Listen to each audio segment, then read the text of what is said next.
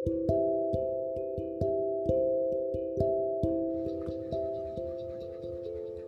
Rob, jika bukan karenamu, tidaklah mungkin kemudahan datang menghampiri.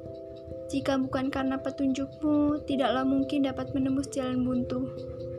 Jika bukan karena kuasamu, tidaklah mungkin mustahil menjadi sebuah keniscayaan. Lantas apa yang patut untuk disombongkan oleh hamba? Sedang diri ini tak lebih dari seorang manusia biasa yang masih berlumur dosa. Lantas jika bukan mengharap cinta dan kasihmu, apalagi yang patut dikejar di dunia? Sungguh, tidak ada. Hamba percaya atas segala rezeki dan ketetapanmu, bahwa semua hanyalah tentang waktu. Dan timingmu adalah sebaik-baiknya timeline hidup. Dari Sylvia Helena